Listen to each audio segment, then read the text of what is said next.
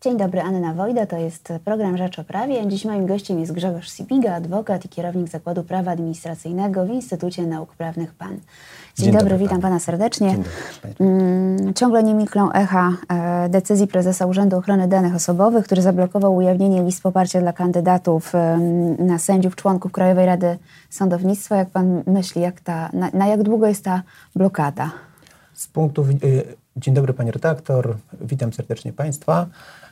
Panie redaktor, no, z punktu widzenia ustawy o ochronie danych osobowych, to postanowienie zabezpieczające mhm. może być aż do wydania decyzji administracyjnej, bo to postępowanie z punktu widzenia przepisów mhm. o ochronie danych osobowych powinno skończyć się decyzją administracyjną i do tego czasu może być po prostu utrzymane w mocy postanowienie. Mhm. Natomiast to postanowienie może być zaskarżone do sądu administracyjnego i może być również uchylone przez sąd administracyjny. Także też zależy, jak się zachowają tutaj uczestnicy tego, tego postępowania. Mhm. Jeszcze raz podkreślam, na gruncie przepisów o ochronie danych osobowych, mhm. ponieważ mamy równolegle prawomocny wyrok Naczelnego Sądu Administracyjnego do wykonania. No tego za chwilę przejdziemy, czyli e, jednym słowem to wszystko może w czasie trochę potrwać i może się okazać, że profesor Andrzej Col ma rację, e, bo twierdzi, że nazwisk przed wyborami na pewno e, nie poznamy, a z kolei Leszek Mazur, przewodniczący Krajowej Rady Sądownictwa mówi, że osoby, które są na listach mogą same ujawnić dane.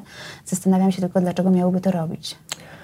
Z punktu widzenia formalnego to postępowanie e, prezesa Urzędu Ochrony Danych Osobowych powinno się zakończyć w ciągu miesiąca. Mm -hmm. Taka jest data. Natomiast no, ale jeśli z doświadczenia, potem, tak, więc... z doświadczenia, z doświadczenia wiemy, że te postępowania są znacznie dłuższe i oczywiście później może być jeszcze e, ten etap kontroli sądu administracyjnego nad tą decyzją, czyli rzeczywiście może to być bardzo wydłużone w czasie e, na gruncie właśnie tego tego postępowania mhm. administracyjnego. A sądzi Pan, że osoby, które są na listach, rzeczywiście powinny same ujawnić swoje dane? No to jest ich swobodna decyzja. E, tutaj to, to zdanie jest prawdziwe, że w każdym czasie oni mogą, mogą zrezygnować mhm. e, ze swojego uprawnień. Każdy decyduje o ujawnieniu, może zdecydować o ujawnieniu danych osobowych na swój temat, tak jak jeden z sędziów mogą się przyznać, powiedzieć po prostu, że rzeczywiście znalazły się na tej liście, podpisały, ten, podpisały się pod kandydaturą określonej osoby do, do KRS-u. Także tutaj nie ma żadnych ograniczeń w stosunku do tych osób, natomiast no nie można ich przymuszać, prawda? To jest ich swobodna decyzja, mhm. to jest zgoda na, na ujawnienie tych informacji. No pewnie pan słyszał, pojawiają się też takie opinie, że tych list w ogóle nie ma.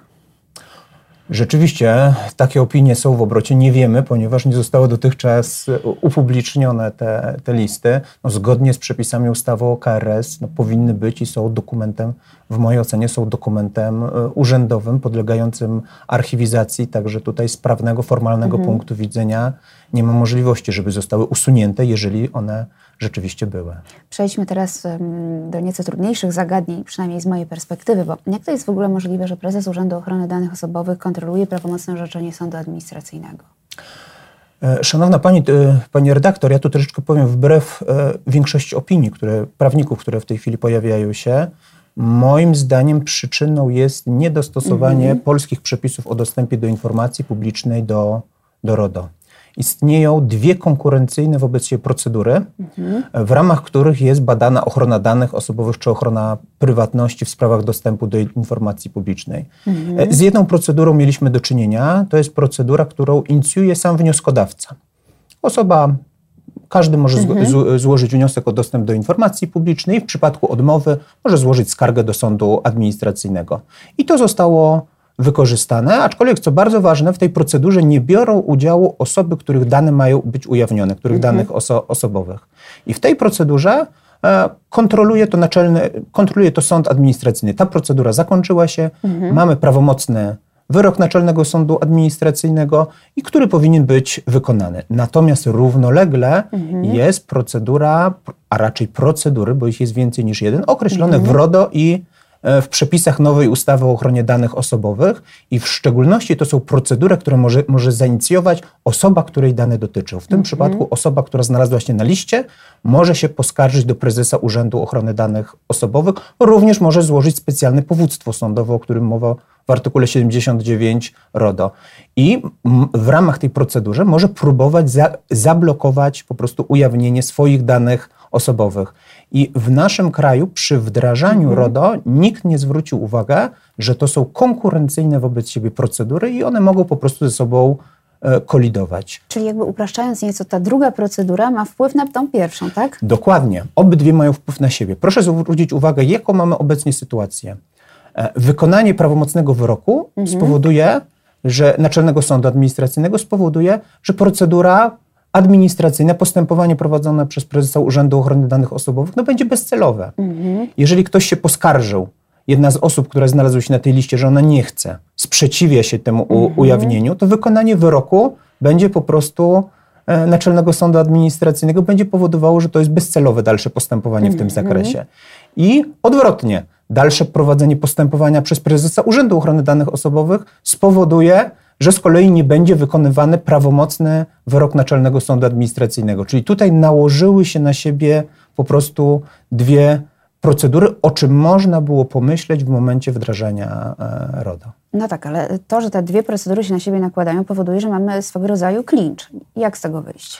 Mamy rzeczywiście klincz. Można powiedzieć, że mamy taki prawniczy, prawniczy pad. Mhm. E, zwrócę uwagę na jeszcze jedną rzecz, że wykonanie wyroku Naczelnego Sądu Administracyjnego spowoduje, że osoby, które znalazły się na liście, zostaną pozbawione jakiegokolwiek środka prawnego. One nie uczestniczyły w tej sprawie z zakresu dostępu do informacji mhm. publicznej.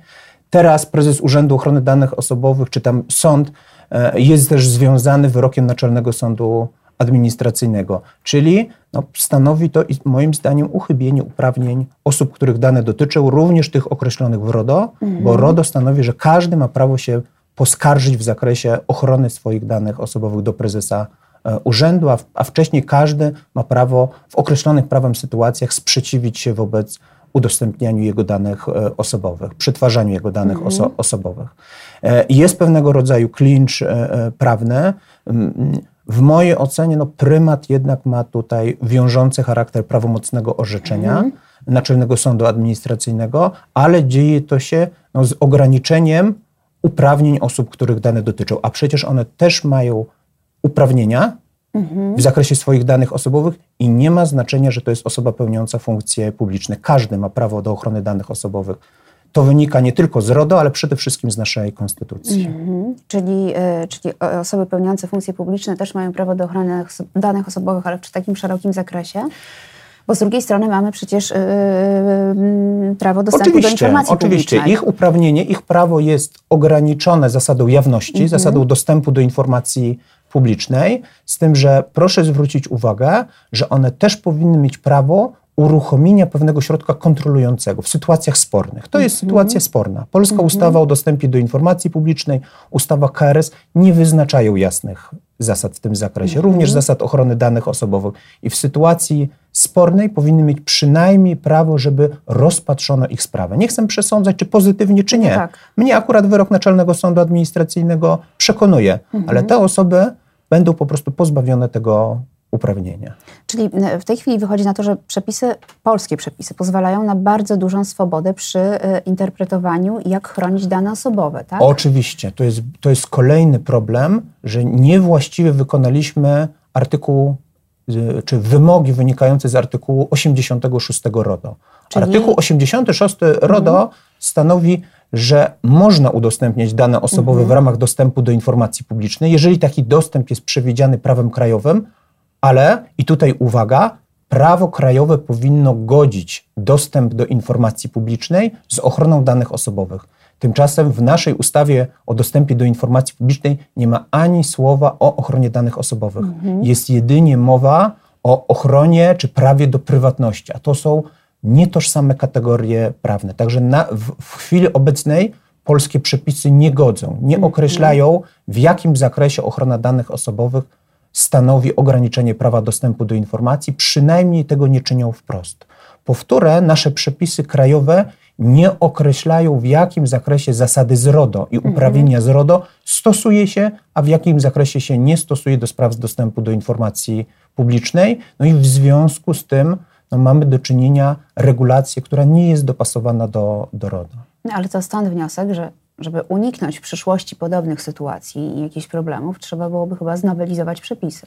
Zgadzam się z panią redaktor. Obecna sytuacja i ta sprawa powinna nas skłonić do refleksji, że kolidują ze sobą przepisy materialne, mamy konkurencyjne procedury, polskie przepisy nie godzą prawa dostępu do informacji mhm. publicznej z ochroną danych osobowych w wystarczającym mhm. stopniu i ta refleksja powinna nas skłaniać do takich prac systemowych nad zmianą ustawy o dostępie do informacji publicznej lub jakiegoś innego aktu. Może to się znaleźć w innym akcie prawnym, choćby w ustawie o ochronie danych osobowych, precyzyjne regulacje, jak te dwa prawa ze sobą są pogodzone, jak one są wyważone względem siebie.